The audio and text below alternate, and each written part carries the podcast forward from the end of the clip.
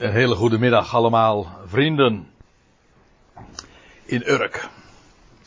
Um, ik uh, heb begrepen dat het een wat vurig woord moet wezen, want sommigen hebben het wat fris. Toch? Of valt het mee? Ik hoop in ieder geval dat we naderhand zo tegen elkaar kunnen zeggen van waar dat het uh, goed was om hier te toeven en dat onze harten brandende waren. Hè? Toen de schriften open gingen. Dat was de ervaring ooit van de Emmausgangers. En het onderwerp wat we gaan behandelen vanmiddag, dat eh, is inderdaad ook nogal een vurig onderwerp. Althans, dat is de associatie die vele mensen wel maken als we het hebben over verloren gaan. Wat is dat? En als je niet al te zeer een vreemdeling bent in Jeruzalem, trouwens ook een uitdrukking van de geschiedenis van de Emmausgangers. En ik bedoel in dit geval dan, eh, als je geen vreemdeling bent in kerkelijk Jeruzalem, een beetje weet wat er speelt in de kerkelijke wereld en hoe er gesproken wordt vanaf de kansel en hoe altijd het onderwerp van verloren gaan toch de, een, een, een belangrijke rol speelt in de prediking. Want ja, hoe was het ook alweer? Er zijn twee wegen en die moeten onderscheidend, als je gewend bent om, om orthodoxe predikatie te horen, dan weet je wat ik, wat ik nu ook bedoel. Eh, er moet onderscheidend gepreekt worden. Dat wil zeggen, er zijn twee wegen. Wordt een mens gered? Of gaat een mens verloren? Want ja, dat is toch de bestemming van de mens. We zijn op reis naar de eeuwigheid en is het of linksom of rechtsom. Toch? En daarom speelt verloren gaan een enorme grote rol. Al was het maar bijvoorbeeld ook vanwege, nou, ik denk wel de allerbekendste Bijbelvers uh, die we in de hele schrift aantreffen, Johannes 3 vers 16. Daar zullen we het straks trouwens ook nog over hebben, want daar komt het ook voor, dat begrip verloren gaan. Nou, de vraag dringt zich dan natuurlijk op, wat is dat? En wat verstaat de schrift daaronder? Nou, laat ik eerst eens eventjes uh, wat uh, onderzoek uh, doen en daarvan rapporteren. wat het eigenlijke woord in de schrift daarvoor is. En dan beperk ik me even tot het Nieuwe Testament. Daar komt het ook verreweg het meeste voor. En dat is het woordje apolumi. En dat is opgebouwd uit een paar elementen. Dat eerste ap, dat is, komt van een voorzetsel, dat is apo. En dat betekent eigenlijk, dat is ons voorzetsel vanaf. En de rest is uh, geheel losmaken. En dat werpt al licht op de, de hele betekenis van het woord. Die elementen die beheersen ook de betekenis. Maar ik geef direct toe dat alleen die elementen niet genoeg is om zicht te hebben op de betekenis. Uiteindelijk is het zo dat als je de betekenis van een woord wil kennen, dan is het niet voldoende om alleen maar te zien waaruit het is opgebouwd. Dat kan je zelfs uh, op een verkeerd spoor zetten uiteindelijk wat beslissend is uh, om de betekenis van een woord te achterhalen, dat is de, te weten en erachter te zien te komen hoe het woord gebruikt wordt. En de wijze waarop het gebezigd, gebruikt wordt, dat bepaalt wat de betekenis uh, van het begrip is. Nou, als werkwoord, maar ook als zelfstandig naamwoord, komt het in totaal in het Nieuwe Testament 110 keer voor. Dus ja, eh, je hebt wel eens een keertje van die woorden die maar een paar keer voorkomen. En dan moet je het met die schaarse gegevens doen om de betekenis te achterhalen. Maar in dit geval, bij dit woordje apolumi, uh, is het veel eenvoudiger. Want ja, er zijn zoveel keren dat het voorkomt. En dan beperk ik me even nu in dit onderzoek tot de NBG 51. Dat is de Bijbelvertaling die ik zelf altijd uh, gebruik. Althans, niet echt om Bijbelstudie te doen, maar uh, om dingen even na te slaan. Het is ook de meest gangbare. Uh, een aantal van u lezen de Statenvertaling en een aantal misschien ook, maar dat zal wat minder zijn, de de, nieuw, de nieuwste Bijbelvertaling. Ik beperk me nu even tot de NBG 51 vertaling en dan ziet u hier een lijstje. En dit is deze drie kolommen, daar zie je alle voorkomens, de wijze waarop het in het Nieuwe Testament uh, dus wordt vertaald. Dus dat woordje ab olumi, dat, wordt, uh, dat vind je in de MBG-vertaling uh, zoveel keren terug. En dan wordt het op zo verschillende manieren weergegeven.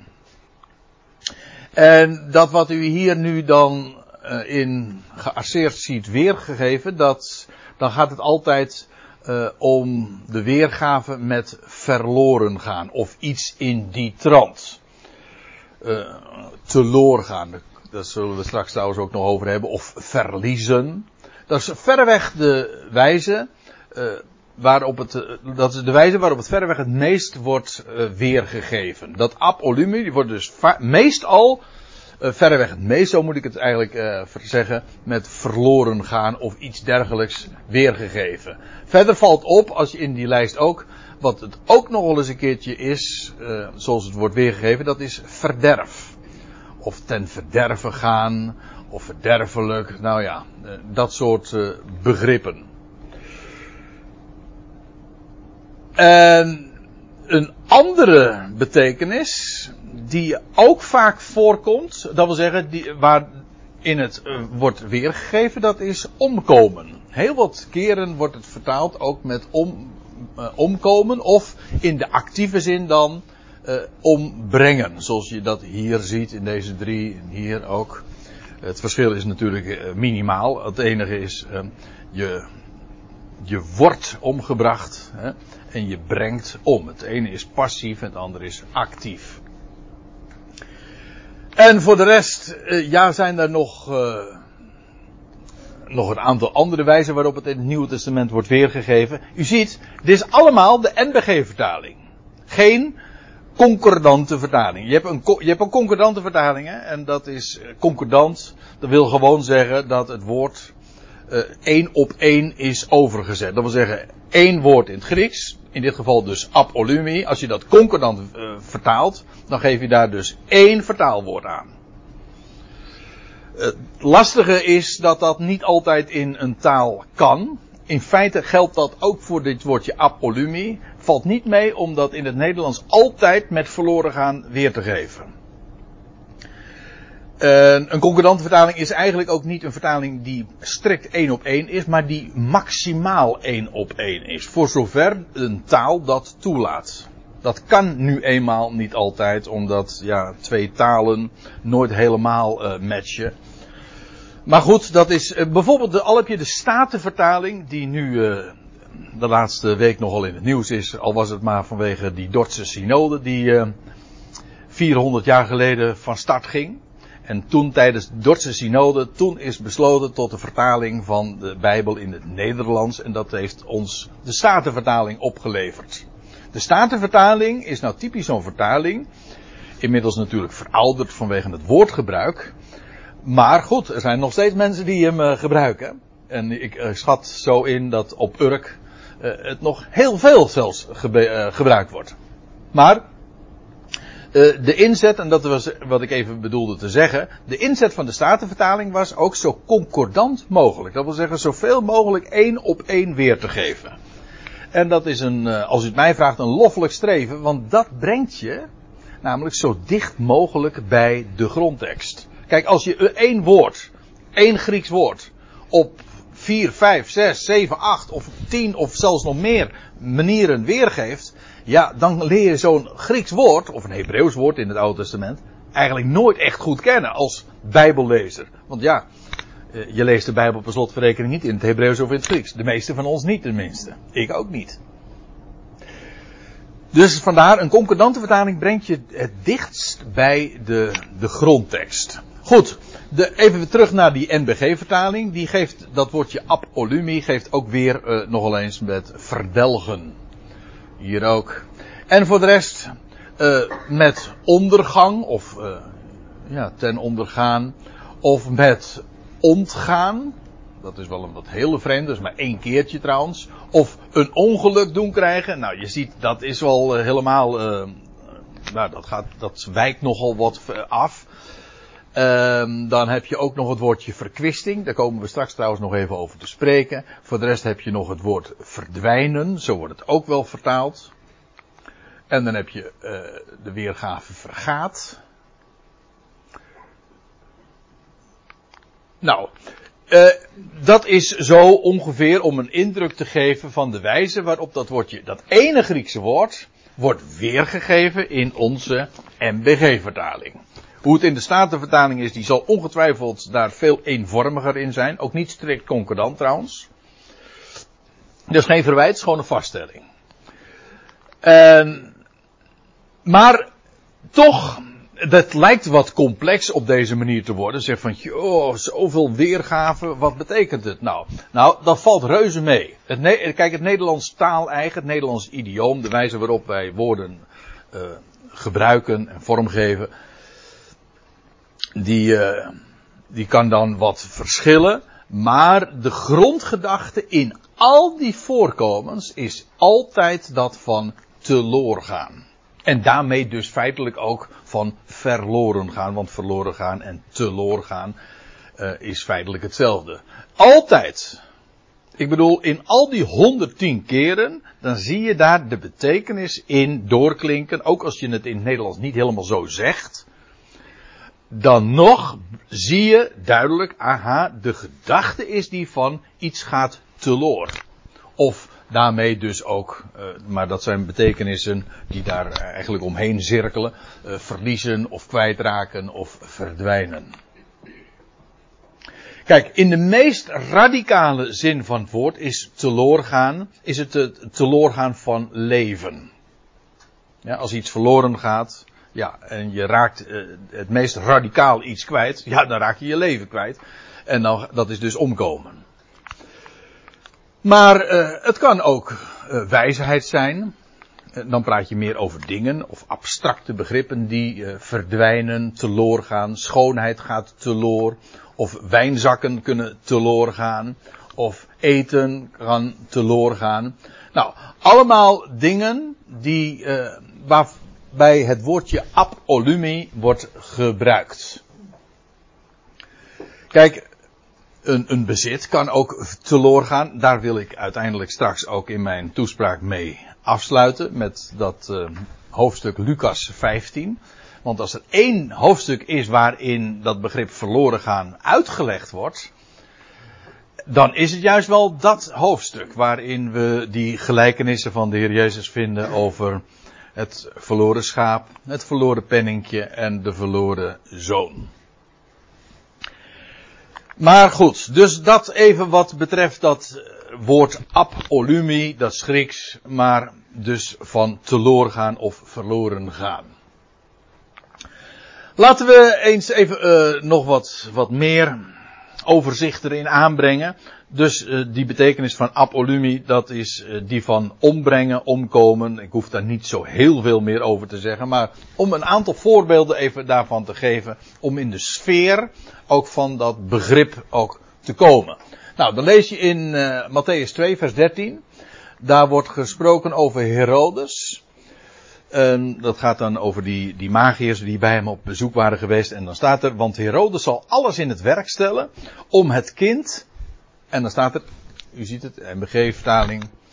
Ik zou het interessant vinden als iemand even mij uh, vertelt wat uh, de Statenvertaling hier dan geeft. Matthäus 2 vers 13. Maar dan staat er in de MBG-vertaling om het kind om te brengen. Wie heeft het? Statenvertaling dus. Zijn jullie nou allemaal zo luid dat je alleen maar van het scherm leest? ja, dat is wel makkelijk hè, zo gewoon meekijken. De herziende statenvertaling staat ook om te brengen dus.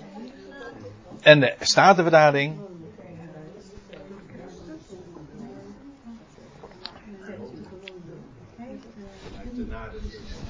De Nadense vertaling. Oké, nou daar ben ik ook wel benieuwd naar. Het te doden.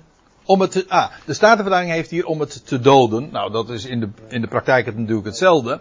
Maar wat trouwens ook wel aangeeft, strikt genomen, als je het dus concordant zou willen weergeven, dan zou hier dus moeten staan, om het kind verloren te doen gaan.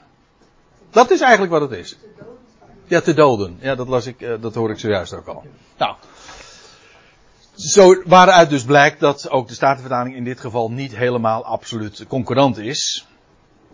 Maar het geeft wel aan wat, uh, ja, het verloren doen gaan. Sorry? Om te brengen. Om te brengen, om te brengen ook, ja, oké, nou goed. Uh, het kan ook niet missen. De, want hoe je het woord ook weergeeft in deze hele context is volstrekt helder. Er is ook geen enkele discussie over dat inderdaad Herodes, die wilde het kind verloren doen gaan. Dat wil zeggen ombrengen, oftewel doden.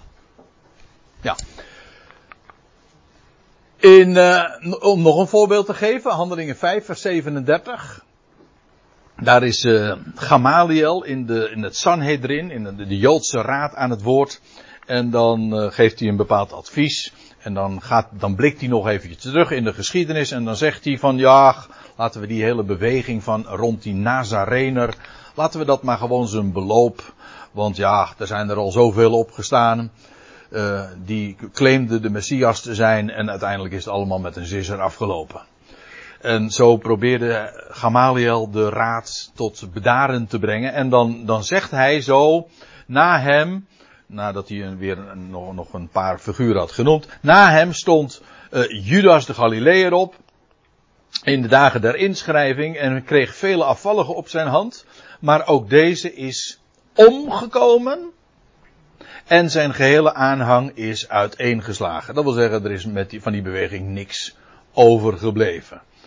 En ook hier wordt dus dat woord apolumi gebruikt en kreeg vele afvalligen op zijn hand, maar ook deze is teloor gegaan. Of verloren gegaan en zijn hele aanhang is uiteengeslagen. Apolumi, dat het weergegeven wordt met vergaan, verkwisten, verdwijnen. Laat ik ook daar nog een paar voorbeelden van geven. Uh, in 2 Petrus 3, vers 6, daar wordt gesproken over de, de toenmalige wereld. Die ooit is verzwolgen door het water en die is vergaan, staat er. Andere vertalingen zeggen geloof ik ten onder gegaan. Maar ook hier is weer dat woordje apolumi, dat, over dat woord hebben we het. Is verloren gegaan dus. Ja, oftewel vergaan. Dus het hangt ook een klein beetje van af wat het onderwerp is, wat de woordkeus dan is. Ik bedoel, hier zou men niet kunnen vertalen met doden of ombrengen natuurlijk. Dat is dan niet, dat is dan niet het juiste woord.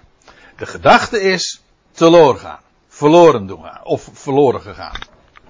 Nog één, Matthäus 26, vers 8. Oh ja, dat is wel een uh, interessante ook. Want daar is, uh, dan zijn we in het huis van, uh, van, van Lazarus en met zijn beide zussen. En dan lees je dat Maria hem zalft met kostbare nardesolie. En dan lees je dat Judas en de discipelen in het algemeen daarover verontwaardigd waren. En die zeiden, met die kostbare nardes die verloren ging. En dan zeggen zij, waartoe die verkwisting? Hier staat ook weer apolumie. Maar hier wordt het dan weergegeven met verkwisting. Dat wil zeggen, die nardesolie was in de oren en in de ogen en in de beleving van de discipelen ging verloren, ging teloor. En dat is dus, als het zulk kostbaar spul is, is dat dus verkwisting. Maar je voelt wel, dat is natuurlijk niet een precieze woordweergave vanuit Grieks. Dat is gewoon aangepast aan ons taal eigen. Goed, van de, waartoe die verkwisting? Het, waartoe dat teloor gaan? Dat is de eigenlijke vraag.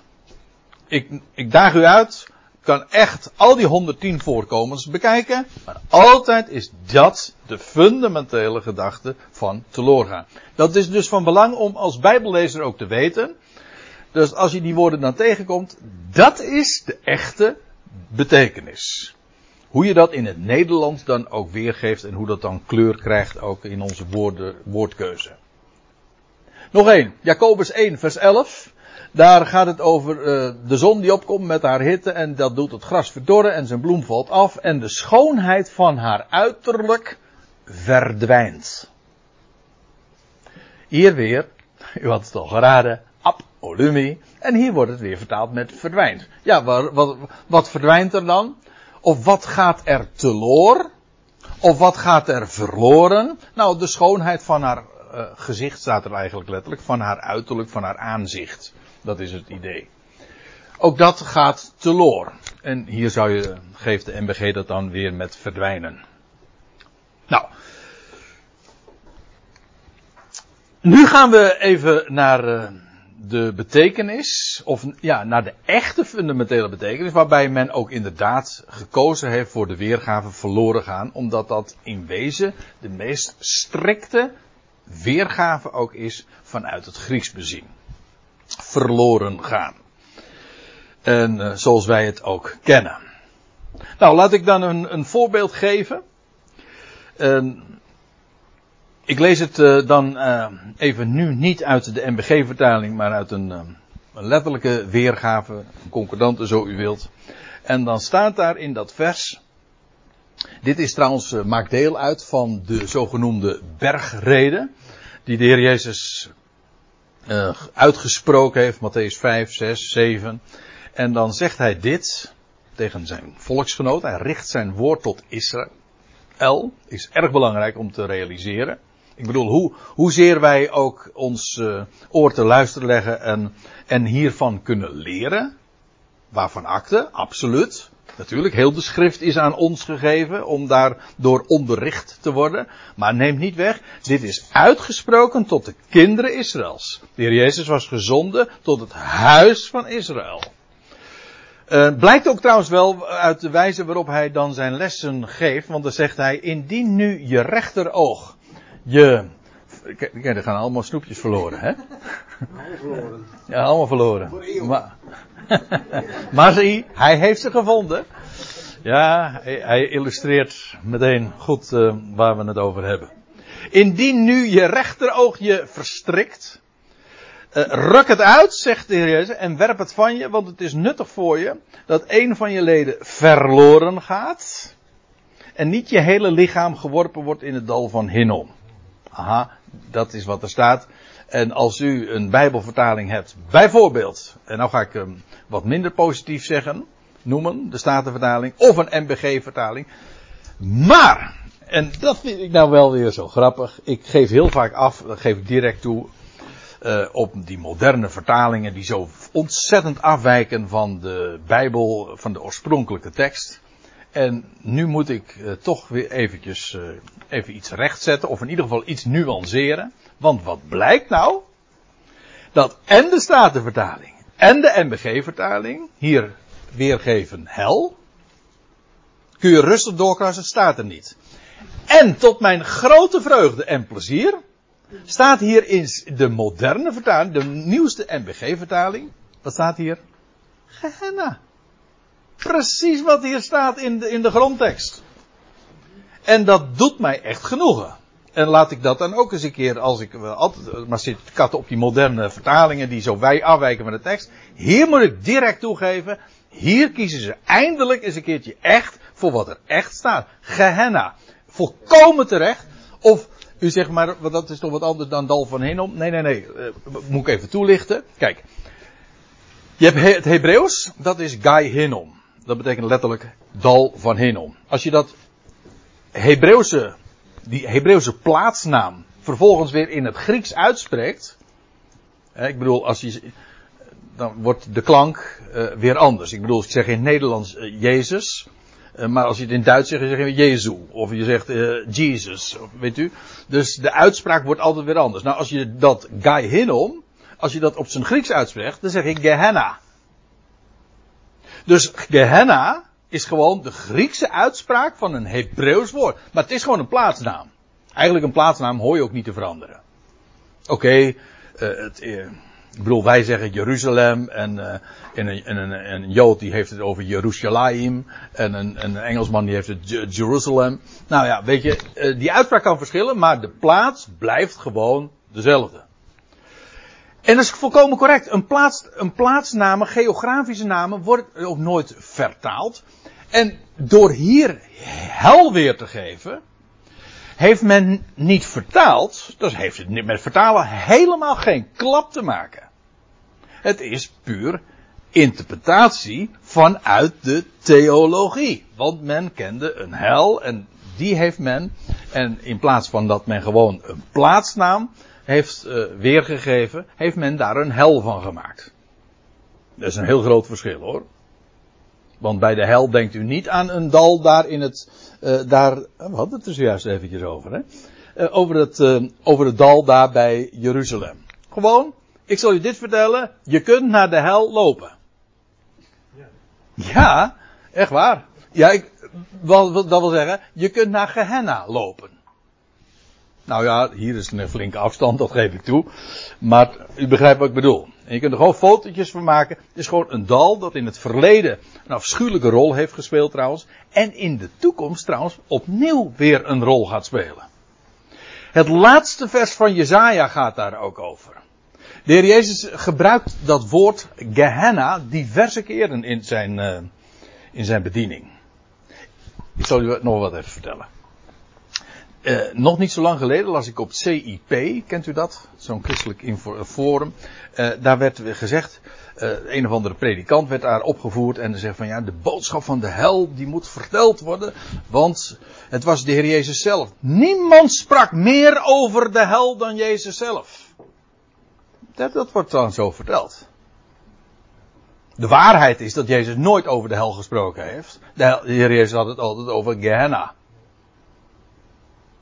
En, dat, en wat is Gehenna? Gewoon Gehenna. Of eventueel Dal van Hinnom. Gewoon, dat is, dat, is, de Nederlandse weergave. Is het grappig, hè? Of ja, grappig. Frappant, hè? Men spreekt, als de vertalers Jeruzalem lezen, zien in de grondtekst staan, dan vertalen ze gewoon Jeruzalem. Of ze geven Tiberias, dan is Tiberias. Hè? Of Capernaum, is Capernaum. Maar op het moment dat Gehenna gezegd wordt, maken ze er hel van. Wat is dat voor... Nou, dat is, dat is niet bizar. Dat is theologie. Dat is gewoon voorgekookt. Vooroordeel.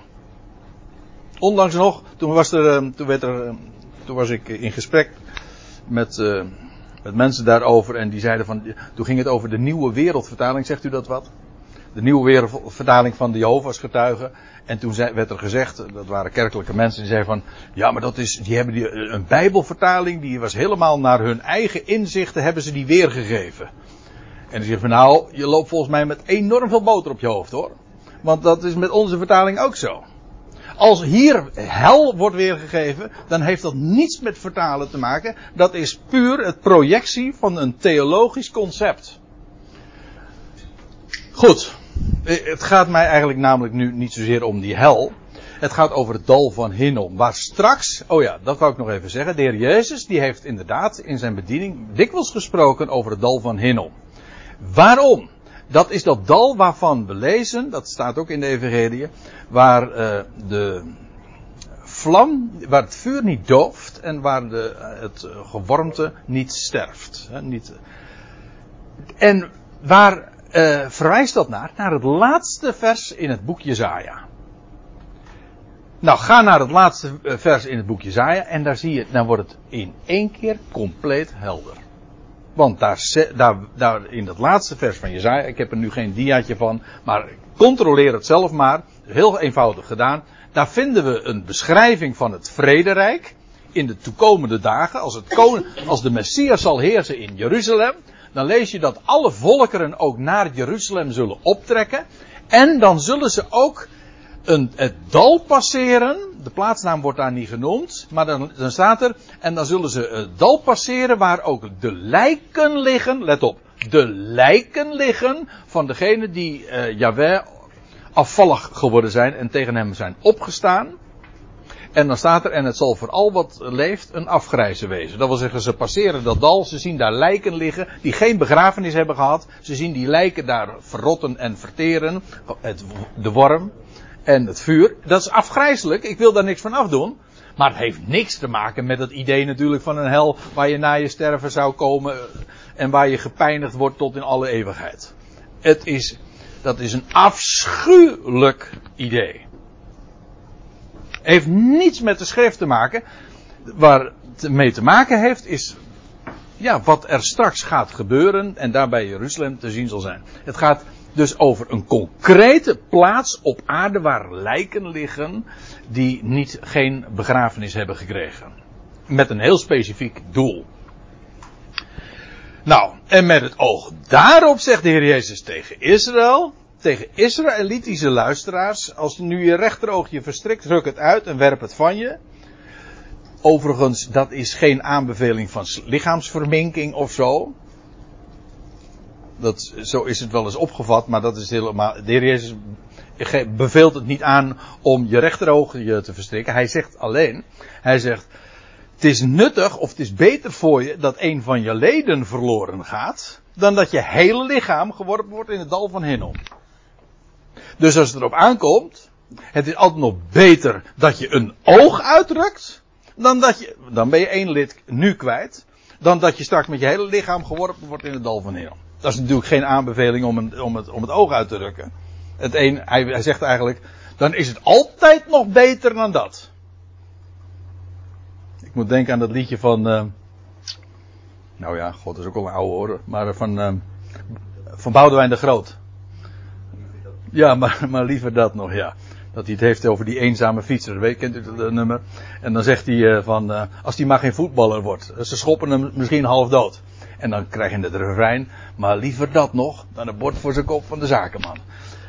met andere woorden, ik hoop alsjeblieft niet dat hij voetballer wordt. Maar als het er nou dan toch per se moet, dan altijd nogal liever dat dan een bord voor zijn kop van de zakenman. Overigens, de tekst is geheel voor rekening van Boudewijn de Groot. Dus gaan we niet uh, straks niet aanspreken over wat ik beweer over voetballers of over zakenmannen natuurlijk. Ik zou niet durven. Nee, daar gaat het niet om, maar u begrijpt, uh, dit ga, het gaat er niet om dat de Heer Jezus hier zegt van uh, vermink je lichaam. Natuurlijk, niemand haat ooit zijn eigen vlees. Het is een heel wat beter idee als je rechteroog je verstrikt. Weet je wat je dan moet doen? Een andere kant op kijken. Eh, dat is natuurlijk nogal heel. Dat is het. Oh, wat is trouwens. Ook, dat is ook de. Matthäus 5. Want indien het oog verlicht is. Weet je hoe je het oog verlicht? Door naar het licht te kijken. Als je, oog, als je naar het licht kijkt, dan wordt je oog verlicht. En dan, wordt, en dan zal het hele lichaam verlicht worden. Maar als het er nou, het gaat om de vergelijking, als het er nou om gaat, dan kun je altijd nog beter je oog eruit drukken, wat natuurlijk bizar is, dat doe je niet. Maar dan kun je altijd nog beter dat doen, dan ben je tenminste één lid kwijt, in plaats van dat je hele lichaam uh, straks uh, geworpen zou worden in het dal van Hinnom. Want al u weet, als de Messias terug zal komen, zet hij zijn koninkrijk op in Jeruzalem, dan zullen de maar dan zal daar ook gericht gevoerd worden en dan zullen er lijken daar liggen, nou ja, waar ik het zojuist over had. Uh, een heel ander plaatje dus. Ik, ik aarzel u eventjes om dat nog breder uit te meten. Daar gaat het even niet om. Het gaat me even om. Kijk, mensen hebben hier gedacht aan de hel. En dat je uh, verloren gaat in de hel. En waar. Oh, en dan zegt men ook van ja, en daar. Het vuur dat dooft daar niet. En je wordt daar maar gepijnigd. Daar gaat het helemaal niet over. Het gaat niet over levende lichamen die gepijnigd worden. Het gaat over lijken die liggen in een dal. En waar het vuur brandt. En waar, eh, waar lichamen verteerd worden. Dat is waar het over gaat. Ziet u hoe, hoe wanstaltig. En ja, ik wou zeggen bizar. Maar wanstaltig. Hoe gruwelijk men uh, de, de Bijbelse beschrijvingen heeft misbruikt en tot iets demonisch hebben gemaakt. Want ik weet ook wel dat dit niet een mooi, een leuk of een aardig plaatje is. Het is inderdaad bedoeld om een, een, om een waarschuwen voor de volkeren. Dat, dat weet ik. Dat, zo staat het er ook. Het is een afgrijzen voor al wat leeft. Daarom krijgen die lijken geen begrafenis.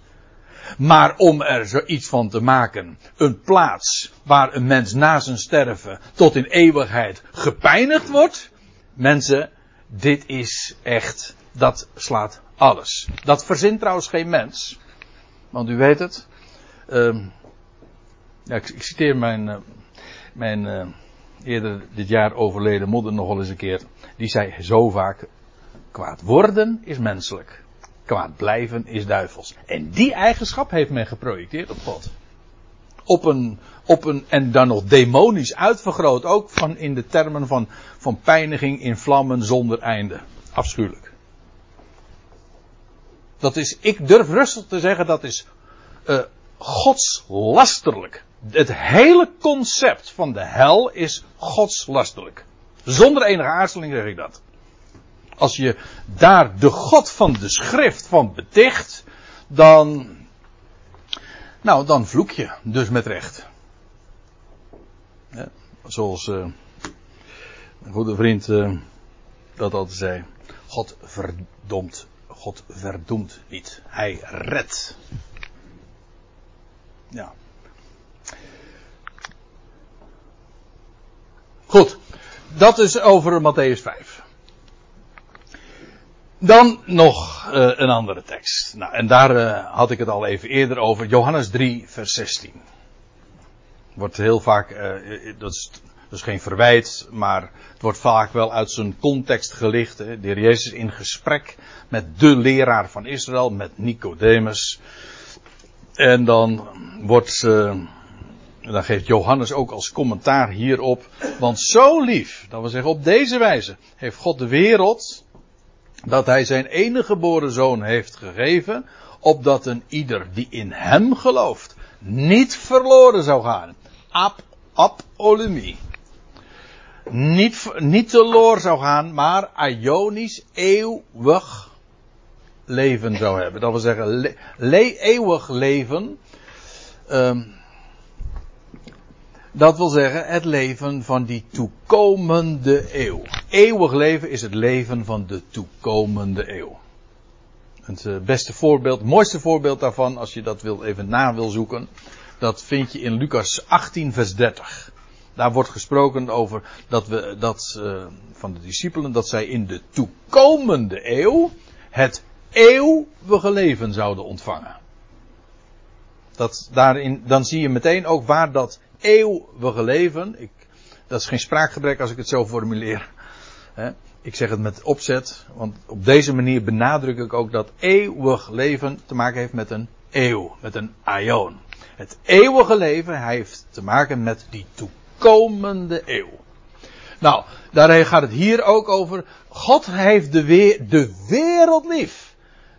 Hij geeft zijn zoon. En opdat een ieder die in hem gelooft, die zou niet omkomen, niet teloor gaan, maar die zou het leven van die toekomende eeuw ontvangen. Met andere woorden, degene die niet gelooft, die ontvangt dat leven van die toekomende eeuw niet.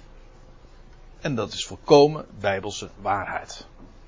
Het, e- de grote ellende is alleen dat men gedacht heeft van, oh, die mist het eeuwige leven en die krijgt dus never nooit meer leven. En als je dan niet inziet dat dat eeuwige leven te maken heeft met die toekomende eeuw. En dat er nog eeuwen te gaan zijn. En dat er zelfs ook nog een voleinding van eeuwen zal zijn. En dat Christus zal heersen tot in de eeuwen. En pas daarna wordt God alles in alle. God heeft nog een geweldig plan. Dat steeds groter, uitgebreider en veelomvattender en alomvattender zal worden. Maar die toekomende eeuw, die zal slechts, uh, die zullen slechts degenen die in hem geloven uh, beërven. En de anderen volgen pas later. Dat is het uh, idee. Trouwens, je zou eigenlijk ook het vervolg moeten lezen. Want dit, wordt dan, dit vers wordt, ik heb daar nu geen plaatje of diaatje van, maar in het volgende vers wordt er dan gezegd, want er wordt het zelfs toegelicht, dat begint dan ook weer met want.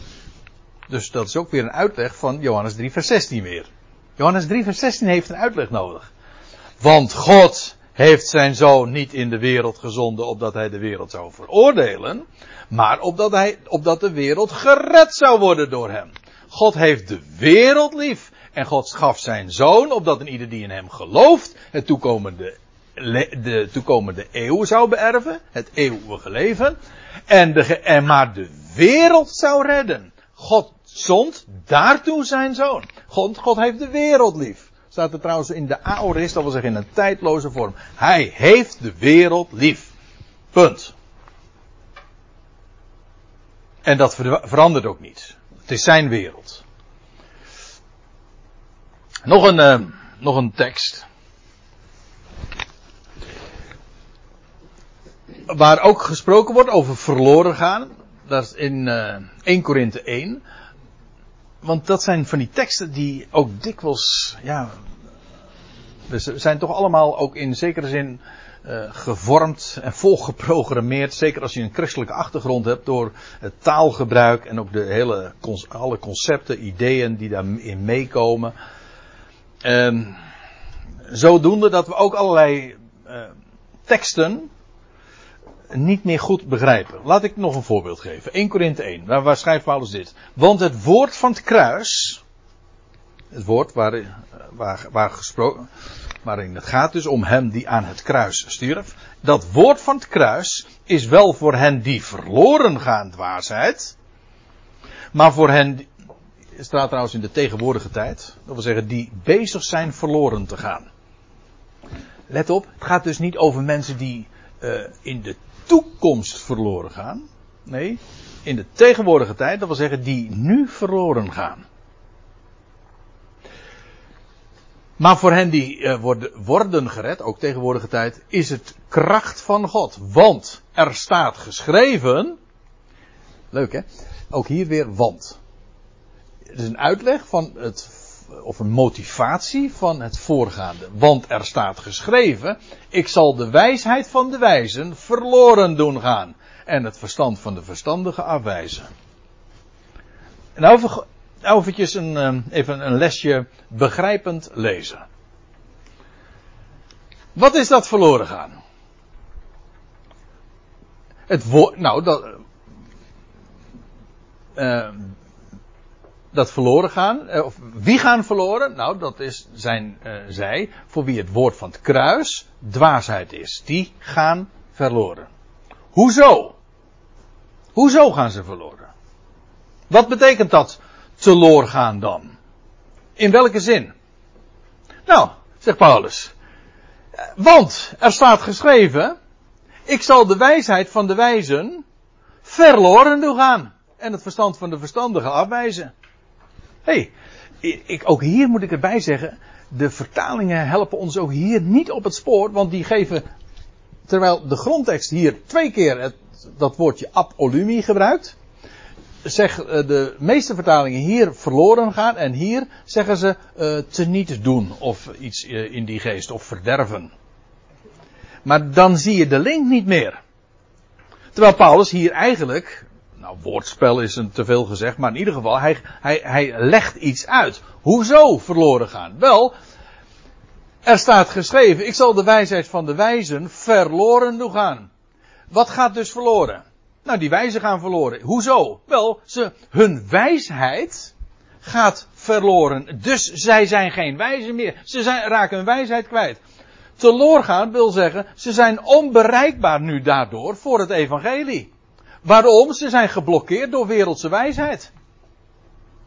En daardoor zijn zij, gaan zij teloor. Ze kunnen niet bereikt worden, want zij worden inderdaad geblokkeerd door wijsheid.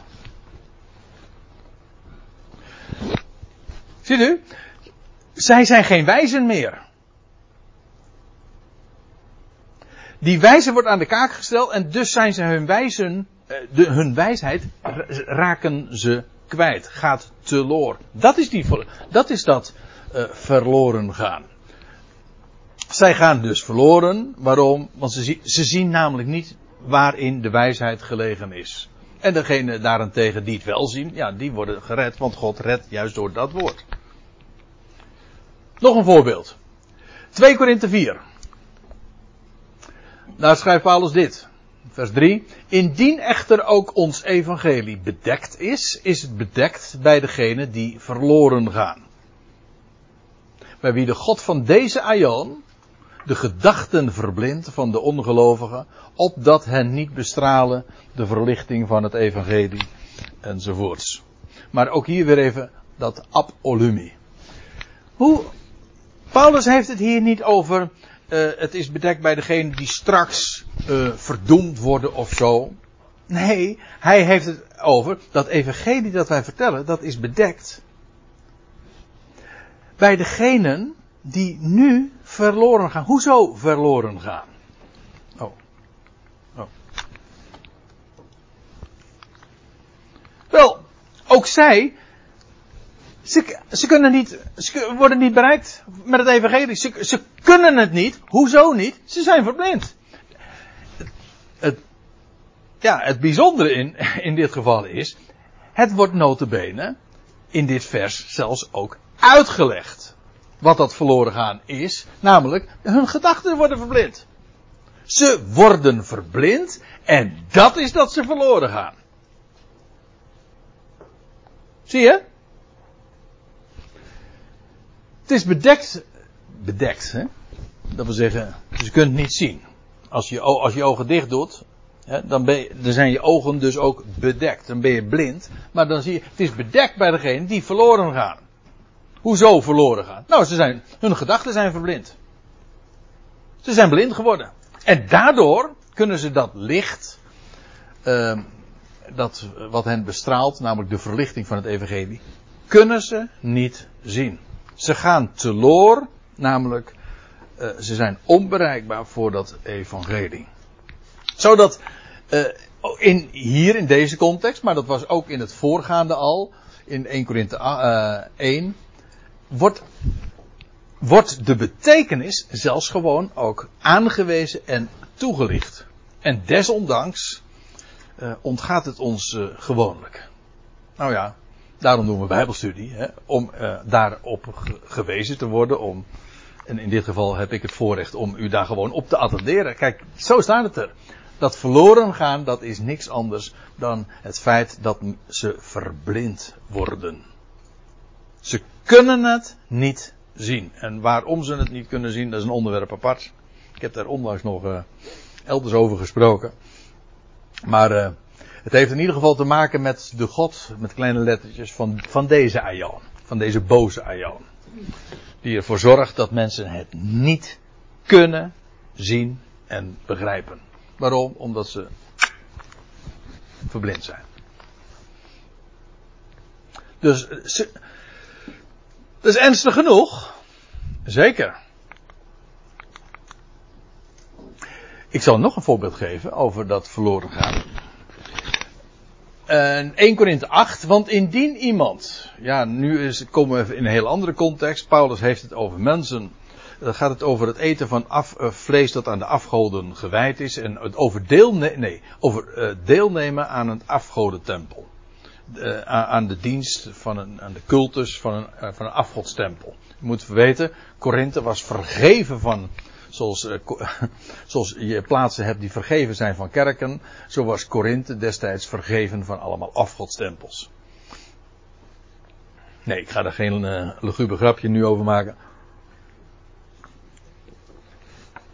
Maar le lees even met me mee. Indien iemand u die kennis hebt, het gaat erover, kijk maar eventjes in het voorgaande, u, u die kennis hebt, u, u die weet van één God, dat er maar één God is, de Vader. Uh, indien iemand u die kennis hebt, u ziet aanliggen in een afgodentempel, op zich, wat is er mis mee, als je dat bezoekt. En, uh, maar Paulus zegt, kijk er nou mee uit, want als iemand dat nou ziet en die zal dan zijn zwak geweten niet opgebouwd worden, niet geprikkeld worden tot het eten van afgodenoffers. Dat wil zeggen waardoor die deel gaat nemen aan die, aan die, aan die afgodsdienst. Dan gaat immers de zwakke verloren in uw kennis. Dat wil zeggen, terwijl u weet en daardoor dat u kennis hebt en u dat zo etaleert, gaat hij, de betreffende broeder, verloren de broeder om wie Christus stierf. Hè? Kan dat dan? Kunnen broeders verloren gaan? Ja, als je weet wat verloren gaan betekent, dan is dat zeker, kan dat. Want hier gaat het. Zo'n zwakke broeder, die zou daardoor, als iemand zijn, zijn vrijheid etaleert en daardoor verst, ja, een foute conclusie trekt en daardoor zou deel gaan nemen aan zo'n afgodsdienst, ja, dan zou hij dus verloren gaan, dat wil zeggen teloor gaan in de afgodendienst. Dat is teloor gaan, toch? Als je, niet, als je niet meer dan God aanbidt, maar dat je mee gaat doen aan, een, aan, aan zo'n afgodsdienst. Dat is, dat lijkt mij toch echt, dan ga je teloor hoor. Dan raak je echt iets kwijt. Het zicht op God in ieder geval. Het heeft natuurlijk tot totaal niks te maken met het hele idee van waar we, nou ja, waar ik de hele middag eigenlijk al tegen ageer. Namelijk het waar we traditioneel mee opgezadeld zijn, namelijk van dat verloren gaan en dat komt never nooit meer goed en over hel en verdoemenis. Heeft het niets mee te maken. Het gaat hier over, over een broeder die, die verloren gaat in de afgodendienst. Dat wil zeggen zich daarin verliest en daardoor ook inderdaad de draad kwijtraakt. En het zicht op God kwijtraakt. Dat kan. Ja, natuurlijk. Dat staat hier ook. Nou, en nou wordt het tijd om uh, het allerbelangrijkste te vertellen. Want ik zei al, en dat zei ik aan, bij het begin al, het allerbelangrijkste over verloren gaan, dat moet je, dat, en wat dat is, dat vinden we in Lucas 15. In feite gaat heel Lucas 15, dat hele hoofdstuk, over verloren gaan en gevonden worden. Dat is waar het in dat hoofdstuk over gaat. Wat is verloren gaan en, en wat doet God daarmee? Dat is zo'n misver, uh, misverstaan uh, hoofdstuk ook. Het, uh, nou, laten we het eerst eens even lezen. Ik lees even voor uit de vertaling van geschriften.nl. Ik ben, ben wat aan het. hier en daar wat aan het grasduinen. Ik, ik, ik, heb ook geen interlineaire tekst vanmiddag getoond. Gewoon om even wat een indruk te geven van hoe het de ja, hoe dat nu zit met zo'n zo'n één zo'n Grieks woord van verloren gaan. Afijn, Lucas 15, vers 4. Daar staat: Welk mens van jullie die honderd schapen heeft en er een van verliest. Ook hier weer, ab olumi. Laat niet de 99 in de wildernis achter en gaat. Wat hij verloren heeft, zoeken totdat hij het vindt. Verliezen, verloren, allemaal weer vervoegingen van dat ene werkwoord waar we het hele middag over hebben. Maar wat gebeurt er? Hij gaat dat zoeken totdat hij het vindt. Kijk, nou komen we op iets heel belangrijks. En wat zo dikwijls, of eigenlijk vrijwel altijd, wordt uh, misverstaan. En niet begrepen. Als we het hebben over verloren gaan, dan praten we ook altijd over een bezitter. Die iets kwijt is. Wij denken bij verloren gaan, laten we wel wezen, zo zijn we ook uh, zeg maar grootgebracht. Met de gedachte, als je verloren gaat, dan is dat heel erg voor jou. Ik ontken het niet eens, maar ik zeg wel, dat is niet het punt.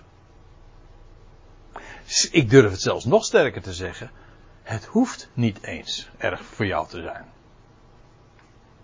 Nee, ik, had het, ik zeg Lucas 15, hè? Lucas 15. Daar vind je eerst de gelijkenis van die, uh, het verloren schaap hier. Dan, vervolgens krijg je de gelijkenis van, of het is een andere, het is één gelijkenis en het is in drie verschillende bedrijven, zeg maar, beschreven. Het is maar hoe je het hebben wil. Maar in ieder geval, het tweede beeld wat gebruikt, gebruikt wordt, is dat die vrouw die die uh, drachme kwijtraakt, die penning. En het derde gelijkenis, die veruit het bekendste, de gelijkenis van de verloren zoon. Nou, nou even deze vraag. Wanneer was die zoon nou verloren? Ja, het hele het verhaal is. Wij denken, als het nou zo erg was dat hij verloren was, dan denken we, hij was verloren. Oh, dat toen hij zeker bij de varkens lag. En dat hij eh, al zijn, e uh, dat hij al zijn bezittingen, al zijn geld kwijt was. En toen hij helemaal geen rode rotcent meer had. En toen hij varkensvoer moest eten. En nou ja, toen. Toen hij helemaal aan de grond zat. Toen was hij verloren. Zou je denken, hè? Maar dat is niet waar. Hij was verloren. Ja, voor wie? Je moet een goede vraag stellen. Voor wie was hij verloren? Zijn vader als je het hebt over de verloren zoon, dan praat je over een vader, in dit geval, die zijn zoon kwijt is. Die trouwens ook elke dag uh, op de uitkijk stond. Toch? En die zocht ook.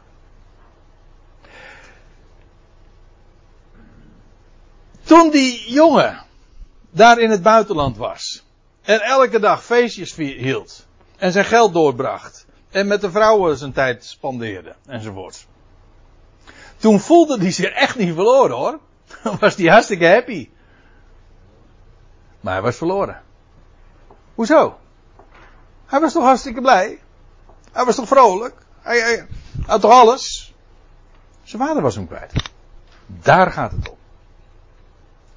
Kijk, je zou nog kunnen zeggen bij, die, bij dat schaapje, ja, dat was zo zielig, want ja, die lag daar in een kloof. Staat er allemaal niet. Daar gaat het helemaal niet om. Het gaat er helemaal niet om wat er met het, waar dat schaapje lag of dat hij pijn had. Dat is het punt niet. Het punt is alleen, die herder was dat schaapje kwijt. En wie was de verliezer? De herder. En wie had er dus belang bij om dat wat hij verloren had te vinden? De herder. Daarom zocht hij het. En daarom staat er ook hier. Nou, weer. Hij ging dat wat hij verloren had zoeken totdat hij het vindt. En als hij het vindt, plaatst hij het op zijn schouders. Hij verheugt zich en wanneer hij thuis komt, roept hij zijn vrienden en de buren bijeen. En hij zegt tegen hen: Verheug je samen met mij, want ik vond mijn schaap dat ik verloren had. Dat schaapje was verloren. Ja, voor wie? Voor de herder. Hij had het schaapje verloren. Dat is het hele punt.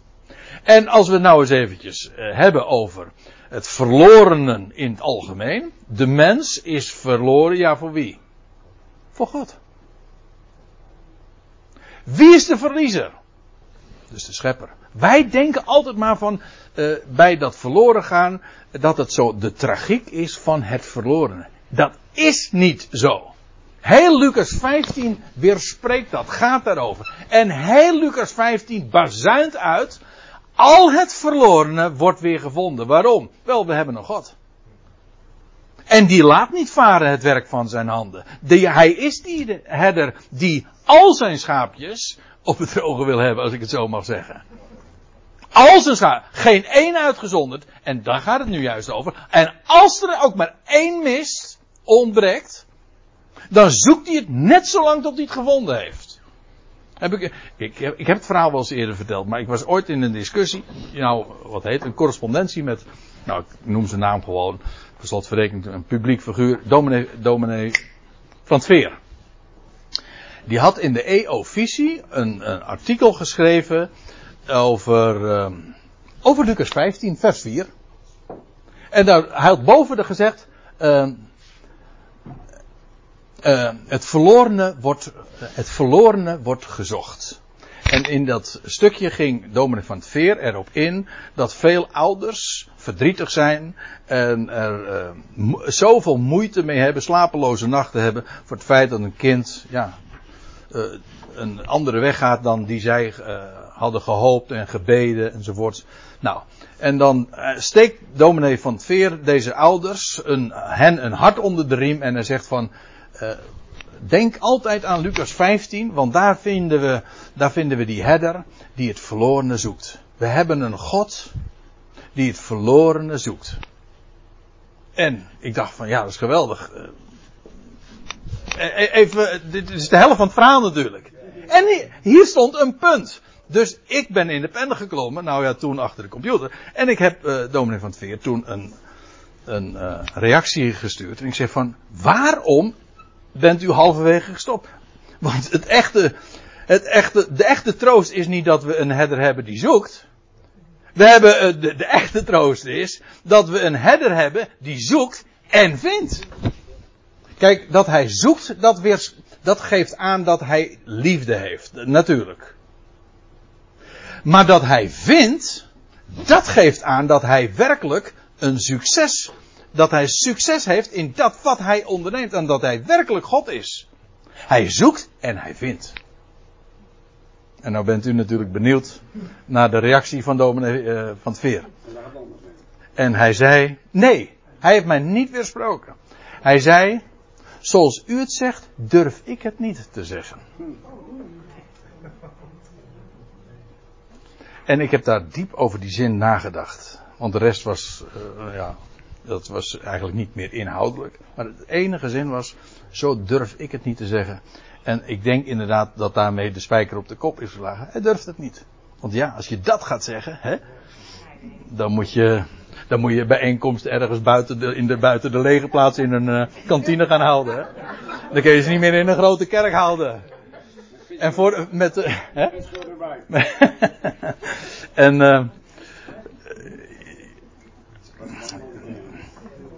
nee, ja, dat, dat, is, dat is wel. Ik bedoel, dit is zo'n onovertroffen goede boodschap. Dit is zo solide. Het staat er gewoon. Ja, ik durf het niet te zeggen. Het staat er gewoon. Dat is de echte troost. En als je, en het gaat verder hoor, want uh, dan staat er de heer, uh, dan geeft de Heer Jezus de, nog een gelijkenis. Of welke vrouw die tien drachmen heeft en er één verliest, steekt niet een lamp aan, veegt het woonhuis, zoekt zorgvuldig, totdat zij hem vindt. Zou een Nederlandse kunnen wezen, hè? Nou, als je, als je, als je zo, nou ja, maar daar gaat het niet om. Het gaat in dit deze gelijkenis om het feit, deze, ook deze vrouw verliest. Is dat erg voor dat penning? Nee, natuurlijk niet. Daar gaat het toch niet om. Wat is dat voor onzin? Die vrouw is iets kwijt. En dus zet ze alles in om het zorgvuldig te zoeken. En hoe lang zoekt ze? Nou, totdat ze hem vindt. Dat is de boodschap. In de Bijbel wordt al het verlorene gevonden. Dat is gewoon een universeel principe. Sterker nog, dat is het evangelie. Het evangelie is de boodschap dat we een Heer hebben die zoekt en vindt. En hij zoekt net zo lang tot hij, hem tot hij het gevonden heeft.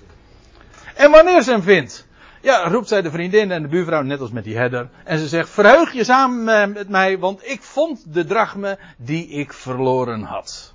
En het mooie is dus, het was het verlies van die herder, het was het verlies van deze vrouw.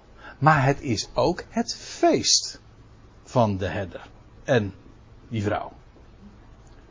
Dat het verlorene gevonden wordt, is geweldig voor het verlorene.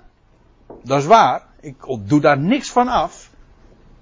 I once was lost, but now I'm found. Dat is geweldig als je gevonden bent. Maar uiteindelijk gaat het daar niet om. Het gaat er niet om dat, dat ik weer nu gered ben. Het gaat erom, de eigenaar, de Heer, die heeft dat wat hij kwijt was, gezocht met succes en hij vindt het en daarom is het zijn feest. En doe daar nou niks van af van zijn feest. En dat is wat zondag in, zondag uit overal gedaan wordt. Zijn feestje wordt verstoord. Als ik, ik bedoel het eh, echt ja, ernstig, maar ook met eerbied. Dat is wat er gebeurt. Het goede bericht, het, de blijde tijding is, hij zoekt en hij vindt. Ja, ik, dat is een onovertroffen, dit noem ik succesverhaal hoor. Dit is echt een successtory. Echt een boodschap van een God die werkelijk het waard is om God te heten. En hij is werkelijk, en hij is werkelijk de redder. Dat is trouwens ook de naam van zijn zoon, hè? Ja, Je, uh, Jehoshua, Jezus. Yahweh, red. Wat redt hij? Dat wat verloren is. Hoeveel? Net zo lang totdat elk verlorene gevonden is.